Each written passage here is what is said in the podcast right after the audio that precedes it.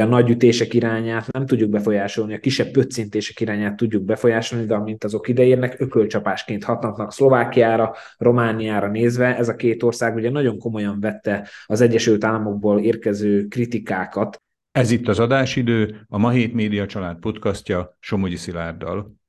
Természetes, hogy Szlovákia politikai vezetése számára elsődlegesen fontos, hogy Washingtonban mit gondolnak az országról, így számunkra, szlovákiai magyarok számára is elsődleges feladatnak kell lennie, hogy a közösségünk árára elkövetett jogsértésekről Washingtonban is időben és pontosan értesüljenek. A tájékoztatás és felvilágosítás nem könnyű munkáját vállalta fel a komáromi születésű, gyermekkorát Izsán töltő Tárnok Balázs, a Budapesti Nemzeti Közszolgálati Egyetem Európa Stratégia Kutatóintézetének a vezetője, illetve a Kisebbségi Jogvédő Intézet tanácsadója, aki most az adásidő hallgatóinak beszél erről a tevékenységéről. Üdvözlöm, kedves Balázs, köszönöm, hogy elfogadta az adásidő podcast meghívását. Jó napot kívánok! És engedje meg, hogy egy e, sajtóhírrel e, kezdjem a beszélgetésünket, csak pár mondatról van szó, ami arról szól, hogy 2023. december 10 és 13-a között Fiala Bútora János és Tárnok Balázs szlovákiai magyar jogászok Washingtonban egy több eseményből és találkozóból álló szakmai program keretén belül számoltak be a Benes dekrétumok mai napig történő szlovákiai alkalmazásáról, az amerikai külpolitika és emberi jogi szak szakértőknek, döntéshozóknak, véleményformálóknak, valamint a washingtoni magyar közösség tagjainak. Hát nem mindennapi hír az, hogy szlovákiai magyar kisebbségi jogvédelemmel foglalkozó jogászok Washingtonba, vagy akár Amerikai Egyesült Államokba közvetlen első kézből tájékoztatnák akár a szakmai közvéleményt, akár a nyilvánosságot. Hogyha nagyon röviden szeretnénk ezt a témát megnyitni, mik a legfontosabb információk, amit tudnunk kell ezekről a, erről a körútról, hogyha mondhatom ezt így? Maga a körút az egy, egy műhely beszélgetés, egy szakmai program köré összpontosult, amit a Freedom and Identity in Central Europe nevű nemzetközi munkacsoport szervezett. Ennek a munkacsoportnak én vagyok az egyik alapító tagja, és ennek a munkacsoportnak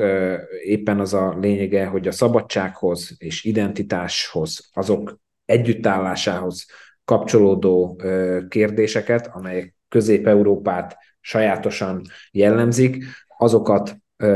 kommunikáljuk az Egyesült Államok felé.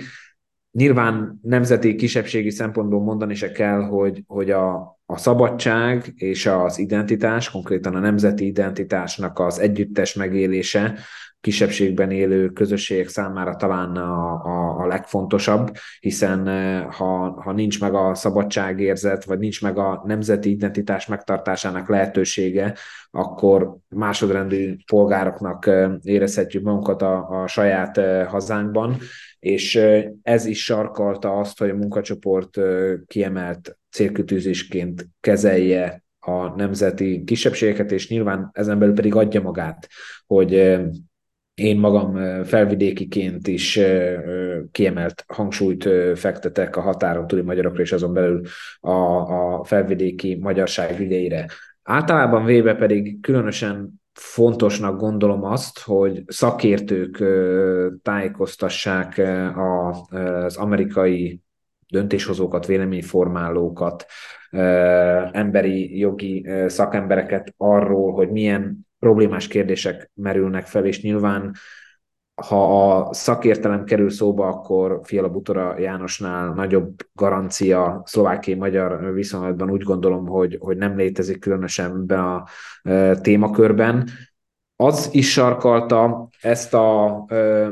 műhely beszélgetést is, e, hogy 2021-ben ugye egy évet töltöttem az Egyesült Államokban egy kutatói ösztöndíjjal, és ott tapasztaltam azt, hogy az amerikai, nem csupán az amerikai közvélemény, de az amerikai szakmai réteg sem nagyon tájékozott azokban a kérdésekben, amik, amik minket feszítenek, és ez nem egy rossz hiszemű tájékozatlanság, és eképpen ennek orvoslásában abban láttam, hogy, hogy megfelelő szakértőkkel, megfelelő nyelvezettel, megfelelő módon, helyen és időben tájékoztassuk azokat az embereket, akik ténylegesen hatással lehetnek az amerikai külpolitika alakítására, és hogyha ez a tájékoztatás megtörténik, nekem az a feltevésem, hogy képesek lehetünk hatást elérni. És ugye ez a workshop, amit szerveztünk, ez a kárpátaljai felvidéki és az erdély magyarság égető problémáit tárta fel a, a, a, a szakmai eseményen résztvevők számára. Egy nagyon érdekes, egy nagyon uh, intenzív uh, beszélgetés zajlott, neves amerikai kutatóintézetek, think tankek, tudásközpontok képviselőinek részvételével, és nyilván, hogyha szervezünk egy ilyen műhelybeszélgetést, akkor adja magát a, a lehetőség, hogy kétoldalú találkozókon más szervezetekkel, más személyekkel, mind politikai, mind pedig szakmai aktorokkal folytassunk beszélgetést, és tájékoztassuk őket arról, hogy, hogy mi az, ami jelenleg zajlik a Benes dekrétumokkal kapcsolatban Szlovákiában. Ez is ugyanis egy olyan elképesztően szürreális helyzet, amit legtöbb esetben a partner el sem igazán hisz első részen annyira szürreális, hogy ez megtörténhet 2023-ban, 2024-ben Szlovákiában, és amikor ugye látják a bizonyítékokat, hogy ez a joggyakorlat valóban megtörténik, akkor igazán jellemzően elkezdtek érdeklődni az ügy iránt. Ugye egy kis plusz információt adjunk azon hallgatóink számára, akik szerencsére, hogy hála Istennek nincsenek kapcsolatban ezekkel az utókonfiskációs rezgésekkel vagy mozgásokkal. Ugye arról van itt szó, hogy az előző kormányzat igazságügyi tárcája nagyon vehemensen azon volt, hogy a le nem zárt konfiskációs ügyeket célba vigye, akitől nem vették el a földeket, azt úgy kezelje, mint hogyha el kéne venni ezeket a földeket, tehát mint hogyha most akarna rendet csinálni a még le nem zárt Benes dekrétumos évtizedekkel ezelőtti végzésekbe, hogy természetesen mindig a, az állam érdekeit képviselve, tehát a, nem a polgárok szempontjából közelíti ezt meg. Sőt, itt ugye az előző Fico kormányzat alatt indult el ez a gyakorlat, 2018-ra vezethetőek vissza, és aztán érintetlenül maradt, és nem is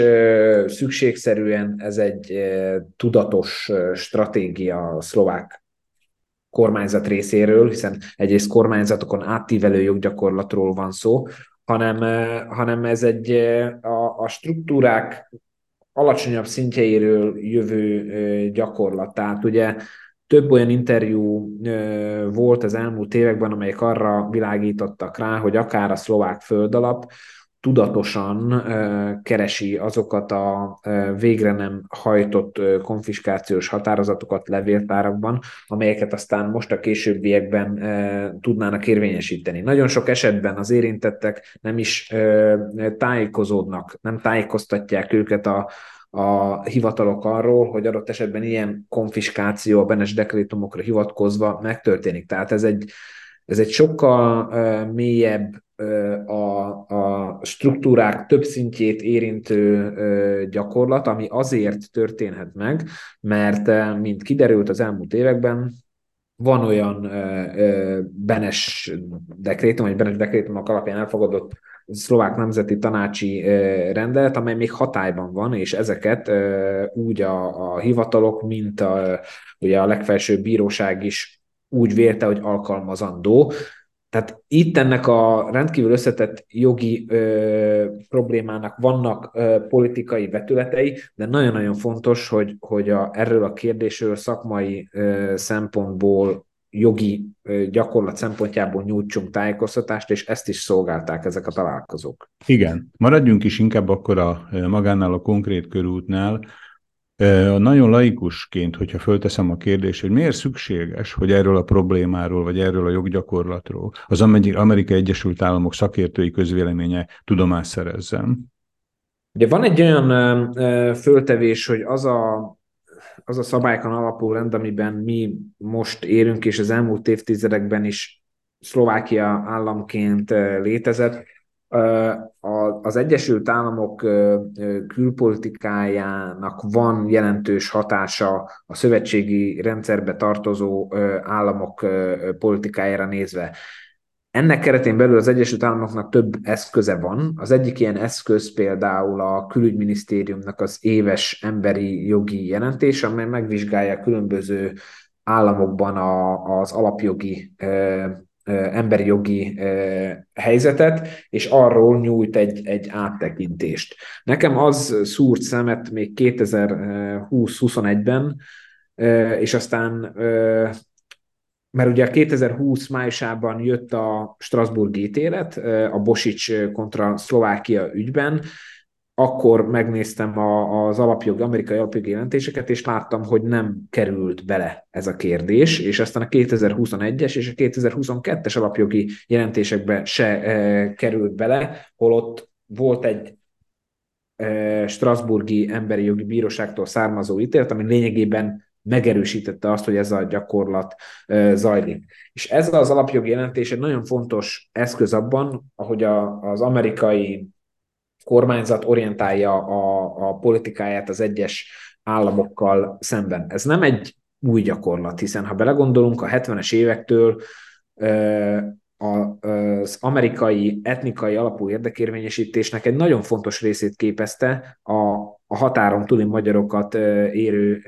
jogsértésekről való tájékoztatás. Ugye erre alapozta a tevékenységét a Hungarian, és mind a mai napig erre alapozza a tevékenységét a Hungarian Human Rights Foundation, ugye 1976-os alapítása óta ők, ők el, először szinte kizárólag az erdély magyarsággal foglalkoztak, majd kiterjesztették tevékenységüket az egész Kárpát-medencei magyarságra, és erről tájékoztatták az amerikai döntéshozókat, és próbáltak elérni változást a tekintetben, ahogy az Egyesült Államok államok például Romániával kapcsolatban eljár külpolitikáját tekintve, és és tájékoztatni az amerikai kormányzatot ezekről a jogsértésekről, hogy ennek fényében határozzák meg a, a, a külpolitikájukat. Az, hogy a döntések külpolitikai értelemben hol születnek, azért az egy több, több szintű folyamat az Egyesült Államokban. Washingtoni tudásközpontoknak is nagy szerepe van e tekintetben, és a hitelességnek óriási szerepe van, hogyha, hogyha jön egy kifogás. Ha valamelyik tudásközpont részéről felmerül egy probléma, vagy elkezdenek azzal a konkrét problémával foglalkozni az adott országban, az az amerikai kormányzat számára is egy extra hitelességi szempontot nyújt, hogy ez valóban így van, és hiteles információkra alapozva mondhatják azt, hogy ez a probléma valóban fennáll, és ezzel párhuzamosan, hogyha hiteles a szakmai integritásukhoz kétséget nem szolgáltató szakértők mondják azt, hogy itt egy nagyon komoly emberi jogi probléma van bizonyítékokkal alátámasztva, akkor én úgy gondolom, hogy van esély arra, hogy, hogy ez az amerikai külpolitikának is a radarjára kerül, és hogyha oda kerül, akkor viszont az amerikai külpolitika képes olyan hatást elérni, ami végül is azt eredményezi, hogy adott esetben abban az országban megváltozik ez a problémás jogi helyzet. Ezt ugye Lőrinc Csaba, a magyar nemzetpolitika egyik nagy gondolkodója úgy fogalmazta meg a 90-es évek közepén, hogy ugye a nagy ütések irányát nem tudjuk befolyásolni, a kisebb pöccintések irányát tudjuk befolyásolni, de amint azok ideérnek, ökölcsapásként hatnak Szlovákiára, Romániára nézve. Ez a két ország ugye nagyon komolyan vette az Egyesült Államokból érkező kritikákat, ami a, az alapjogok helyzetére vonatkozott. Én azt gondolom, hogy ezért is van az, hogy az elmúlt fél évtizedben különböző emberi jogi, kisebbségi jogi szervezetek, és nem csupán a magyarok. Óriási hangsúlyt fektettek arra, hogy az Egyesült Államokban tájékoztassák a, a döntéshozókat, véleményformálókat az egyes problémákról, hiszen azt láthattuk, hogy, hogy ezek a tájékoztatások eredményre vezethetnek. Tehát, hogyha jól értem, akkor az önök elsődleges főmunkája, fő feladata az, hogy a téma bekerüljön a rendszerbe Amerikába, ugye? Tehát, hogyha nagyon leegyszerűsítve szeretném, tehát, hogy az információs körforgásba Igen, tudjanak önökről, és tudjanak rólunk. Ez egy, ez egy több lépcsős folyamat, hiszen én is uh, publikáltam akár a Foreign Policy-ban, akár a National Interest-ben erről a témáról, és ez egy lépcsőfok. De az, amikor uh, adott esetben egy, egy kutatóintézet, egy, egy tudásközpontnak a képviselője, vagy akár a külügyminisztériumnak a hivatalnoka föl tudja tenni azokat a kérdéseket szakmailag releváns pontos és fontos kérdéseket, amelyek a joggyakorlatra vonatkoznak annak a konkrét szakértőnek, akinek akinél, akinek a legmélyebb tudása van ebben a kérdésben, és bármelyik kérdésére helyben tud válaszolni, az én, az én meglátásom szerint egy pótolhatatlan erőforrás, és, és a korábbi években, a 90-es években, akár az egységes MKP idején is többször voltak politikusok, akik ellátogattak az Egyesült Államokba, és ott tájékoztatták az amerikai döntéshozókat különböző szlovákiai magyarságot érintő kérdésekről. Nyilván az is nagyon fontos, hogy egy közösségnek a legitim politikai képviselete megjelenjen ezekben a, a körökben, de, de az is nagyon fontos, hogy, hogy hiteles szakértők vigyék el a, a témát megfelelő helyekre. Milyen egyszerű kimondani azt, hogy az ember publikál egy szakmai folyóiratban, de hát ugye, hogyha arról beszélünk, hogy Amerikáról van szó, tehát az Egyesült Államokról, annak valamelyik vezető lapjáról vagy lapjairól, illetve az, hogy ugye, tehát az, hogy a, a terminológia ismerete nem csak az információ ismerete alapföltételnek számít, mégis önön kívül hát nagyon kevés, kevés publikálót tudnék megnevezni most így kapásból, akinek a szlovákiai magyar közösséggel kapcsolatos írása vagy publikáció jelenne meg, ez hasonló módon, mint ahogy ezt ön, ön csinálta. Ez a motiváció, ez, ez egy ilyen, hogy is mondjam, tehát saját kezdeményezés, kezdeményezésből született, vagy egy programnak a része, egy projektnek a része? Hogy kezdődött ez az ön esetében, Balázs? Itt ugye annyit tennék hozzá, hogy a publikációknak is többfajta stílusát ugye különböztethetjük meg, és ugye Fiala Butora Jánosnak rengeteg és nagyon jó publikációja volt tudományos folyóiratokban. A tudományos publikációk és a kicsit olvasmányosabb, szélesebb közönség számára szánt publikációk akkor uh, tudnak igazán hatékonyak lenni, hogyha, hogyha ez mind, mindkettő megjelenik, de, de egyik pillér sem nélkülözhető annak érdekében, hogy megfelelően tematizáljunk egy kérdést. Ami a saját motivációmat illeti, nekem ez a 2021-es amerikai kutatóutam számára idején vált világossá, hogy, hogy a tudományos publikációk mellett, amit tudományos folyóiratokban megfelelő alapozottsággal leír az ember, nagyon fontosak azok a jellegű publikációk, amelyek szakmai kredibilitásra alapoznak, azonban egy sokkal szélesebb réteget képesek elérni. Ide tartozik akár a, a, a, Foreign Policy is, ami a világ egyik vezető külpolitikai magazinja, és annak online felületén megjelenő cikkek is nagyon komoly elbírálási rendszeren mennek keresztül, tehát két-három szakmai bíráló olvassa át a, a cikket, tesz fel pontosító kérdéseket, vagy vizsgálja meg, hogy a felvetett probléma valós-e, és hogyha ezekre a szerző megfelelő válaszokat tud adni, adni tehát megfelelően tudja igazolni, hogy ez általa vizsgált kérdés hitelesen van bemutatva, akkor van esélye egy ilyen jellegű publikáció megjelenésének is. Ennek ugye nem megspórolható a befektetett munka része, tehát ez több hét vagy akár hónapos is igénybe vesz, mire az a, az a cikk meg tud jelenni, tehát ilyen értelemben nagyon hasonló egy-egy tudományos publikációnak a megjelentetéséhez, de az is nagyon fontos, hogy az, azért a, a foreign policy-t azt mondjuk a közösségi felületeken másfél millióan követik szerte a világon, és egy, egy nagy, nagy, nagy hatású lap, tehát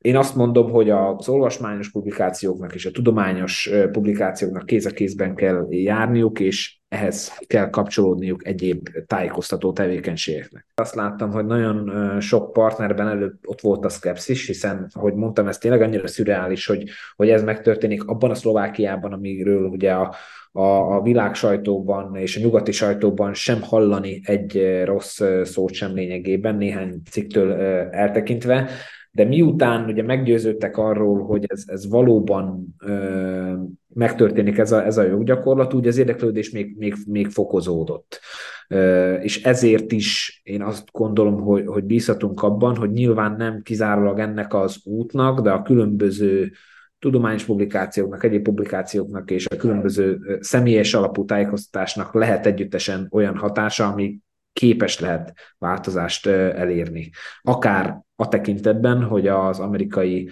alapjogi jelentésekben ez a kérdés megjelenjen, ez egy, ez egy első lépcsőfok lenne, amire a későbbiekben is lehetne építeni. Mindig ugye nagy hangsúlyt fektettek arra, hogy Washington előtt makulátlan legyen Szlovákiának legalábbis a külcsíne, ha már nem is a belbecse. Ugye nagykövetek, szlovákiai nagykövetek által mindig ennek az ismérvnek az alapján lett, kerültek megválasztásra. Van-e arra lehetőség, hogy akár az önök kezdeményezése, vagy önökhöz hasonló más kezdeményezések akár a jövőbe árnyalják egy kicsit ezt a Szlovákia képet? Szlovákiára eleve egy fokozottabb érdeklődés szegeződik jelenleg. Fico hatalomba való visszatérését követően többen talán alappal aggódtak, hogy milyen irányt fog venni a szlovák külpolitika. Teljesen máshogy közelítik meg a külpolitikai szakértők a tisztán politikai kérdéseket, különösen, hogyha az politikai retorika, és olyan szakmai kérdéseket, szakmai alapon nyugvó kérdéseket, mint mondjuk a Benes dekrétumok mai napig történő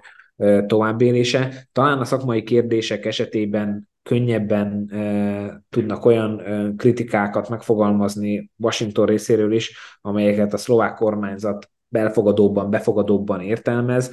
és ezért sem gondolom azt, hogy, hogy rövid időn belül komoly és vehemens kritika fogja érni a szlovák kormányzatot a politikai retorikája miatt, de ez több olyan tényezőtől függ, mind Washingtonban, mind Európában, mint a kettő együttállásában, amit egyenlőre még nem látunk. Eddig beszéltünk az Amerikai Egyesült Államokról. Az önök áldásos tevékenysége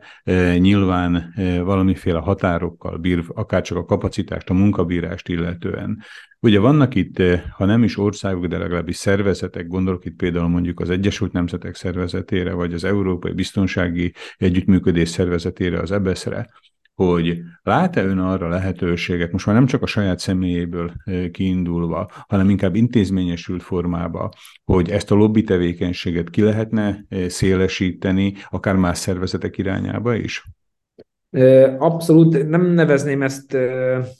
lobby tevékenységnek, már csak... Akkor mondjuk inkább fölvilágosító tevékenység. Fölvilágosító tevékenység itt azért jogszabályi kategóriák miatt, de én azt gondolom, hogy a ezt, ezt a felvilágosító tevékenységet egyrészt, ami egy ilyen jogi politikai érdekérvényesítő tevékenységnek tekinthető, és a, a jogvédelmi tevékenységet párhuzamosan minden lehetséges fórumon és szervezetnél végezni kell politikai akadály gátolja olyan értelemben, hogy egyelőre nincs eh, parlamenti eh, képviseletünk, és továbbra sincs parlamenti képviseletünk Pozsonyban, így a politikai érdekérvényesítés belföldön az gyakorlatilag eh, rendkívül mértékben. Mások, mások jó szándékára is azért szükség van, ugye arra, hogy a belföldi érdekérvényesítésről szól lehessen? Abszolút, de a politika az nem inkább a jó szándékról, hanem a kikönyökölt lehetőségekről és a kialkudott lehetőségekről szól, és hogyha a politikai aktor nincs ott a politikai arénában, az tud nehéz. Ugye ott van a... a nincs alkupozíciónk, ugye? Nincs alkupozíció. Ott van az anyországi érvény, érdekérvényesítés, tehát Magyarország mit tud tenni bilaterális kapcsolataiban a határon túli, a felvidéki magyarokért. Nyilván ennek is van számos lehetősége, de számos korlátja is, hiszen láthatjuk azt, hogy a, a ezen két oldalú kapcsolatok is korlátozottak, azok a rendkívül érzékeny kérdések, akár a Benes dekrétumok, akár a kettős állampolgárság kérdése, akár a szlovák nyelvtörvény kérdése, amik valóban nagyon érzékenyek, azok az elmúlt években is napirenden kívül maradtak a szlovák-magyar viszonyban. Ilyen értelemben sajátos és gyakorlatilag ebben a konkrét helyzetben egyedüli lehetőségünk a, a nemzetközi tér, amelyet viszont szintén befolyásolnak ezek a politikai tényezők, hogyha a nemzetközi térben politikai érdekérvényesítést kívánunk végezni, akkor ezek a politikai kérdések felmerülnek, és ugye hatással vannak ránk szlovákiai magyarokra a Magyarországot érintő geopolitikai és, és világpolitikai kérdések, és hogy Magyarország politikai megítélése is. Ebből fakadóan, hogyha összeadjuk ezeket a hogyha összeadjuk ezt az ügenetet, akkor azt látjuk, hogy a nemzetközi térben a jogvédelemre alapuló tevékenység, azaz a az eszköz, ami leginkább érintetlen az aktuális politikai hátráltató tényezők által. Tehát egy olyan... nem, olyan, gyű, nem olyan gyorsan gyűrűzik be a napi politika, ugye talán erre terület? Így van, és hogyha egy, egy nemzetközi egyezményre hivatkozva, nemzetközi egyezmény sértő gyakorlatra hivatkozva, nemzetközi bírói vagy kvázi bírói fórum előtt jogérvényesítési és jogvédelmi tevékenységet folytatunk, azt nem érinti úgy a napi politika, és hogyha ez a jogvédelmi tevékenység sikeres, tehát sikerül az eljárásokat számunkra kedvező eredménnyel zárni, akkor ezeknek hatásuk lehet a területi állam joggyakorlatára nézve, anélkül, hogy ehhez politikai tőkét kellett volna jelentős mértékben megmozgatni. Nyilván az a ideális eset, hogyha van egy jogvédelmi tevékenység nemzetközi fórumon, és emellett van egy ütőképes politikai alkupozícióban lévő ö, politikai aktor a szlovákiai magyarság oldalán, de egyenlőre azért az utóbbival hiányosságok állnak fönt, és ezért kell éppen nagyobb figyelmet szentelni annak a szakmai munkának, ami a szlovákiai magyarság jogérvényesítésére vonatkozik a nemzetközi térben, és ez persze szorosan hozzákapcsolódik az a tájékoztató tevékenység, ami akár az Egyesült Államok felé is irányulhat, akár az Európai Unió és annak intézményei felé is irányulhat, és a nemzetközi szervezetek felé is irányulhat. Balázs, kérem, hogy egy kicsit a saját portánk előtt is söpörjünk. Én az elmúlt évekből, évtizedekből inkább ilyen egyéni szintén, szinten tudnék ehhez hasonló fölvilágosító aktivitásokat a nemzetközi közvélemény vagy a szakmai közvélemény felé mondani. Sajnos ugye nincs már közöttünk Lanc Attila, aki, aki ennek az egyik zászlóvívője volt. Aztán ugye az ön kezdeményezése, Fiala János vagy Tokár Géza kezdeményezései. Van-e valamiféle hogy is mondjam, fölismerése annak a szlovákiai magyar politikai képviselet részéről, hogy mennyire fontos ez a tevékenység, hogy, hogy ne csak az országon belül adjunk minél több lehetséges információt, és próbáljunk szövetségeseket keresni, vagy ha nem is szövetségeseket, legalább megértő közeget, hogy, hogy fejezzem ki ezt udvariasan, és hogy ne legyen sértő. Kapnak-e elég támogatást a szlovákiai magyar politikai képviselet részéről ebbe a munkájukban? Én azt gondolom, hogy ez egy kulcskérdés, hogy a szlovákiai magyar politikai képviselet hogy viszonyul általában véve ezekhez a kérdésekhez. Azt azért látjuk, hogy az elmúlt egy-két évtizedben a kisebbségvédelem szintjén nem számolhatunk be túl sok előrelépésről. Ha konkrétan az elmúlt néhány évre tekintünk vissza, ott is nagyon sok csalódás ért minket. Elég csak visszatekinteni három évvel ezelőttre, amikor is a, a, például az Európai Bizottság lesöpörte az asztalról a Minority Safe Pack eh, javaslatcsomagot, amihez ugye nagyon sok szlovákiai magyar is támogatás, támogató aláírását adta, és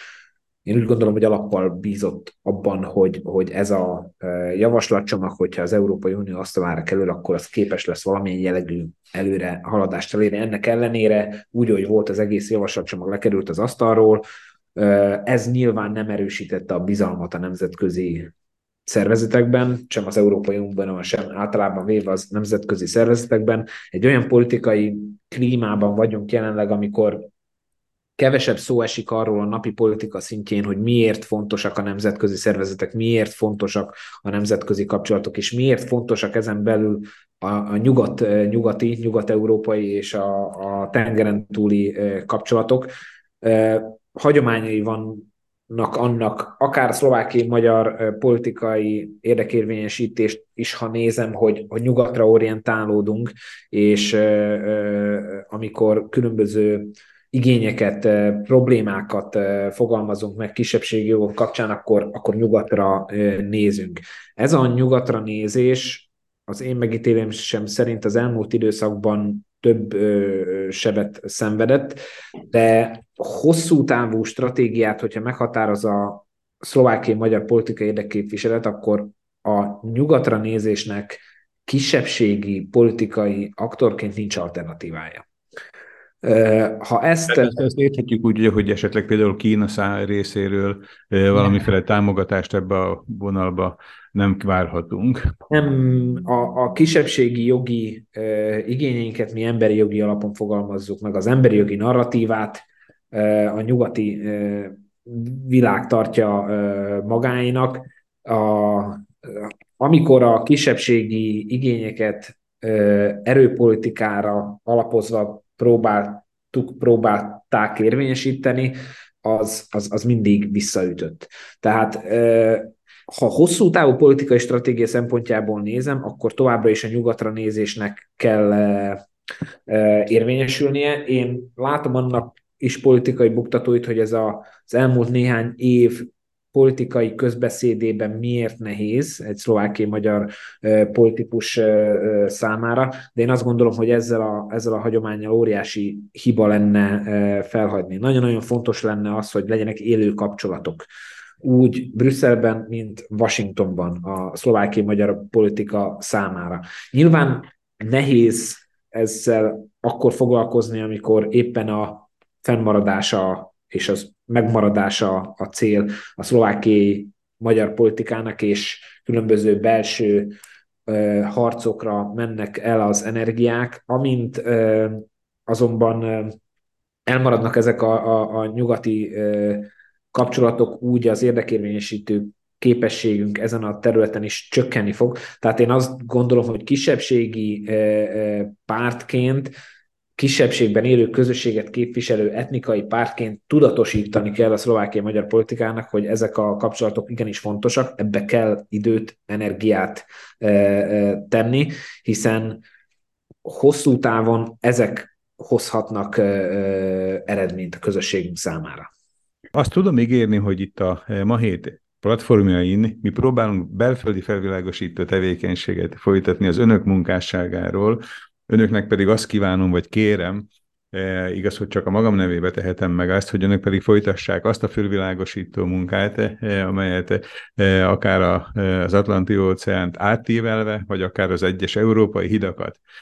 átlépve E, végeznek majd nem is évekbe, hanem évtizedekbe mérhetően. Én nagyon köszönöm Tárnok Balázsnak, hogy ma e, itt a vendégünk volt az adásidőben. Lehetőséget, és köszönöm az érdeklődést az önök részéről. És köszönöm önöknek is, kedves hallgatóink, hogy velünk tartottak.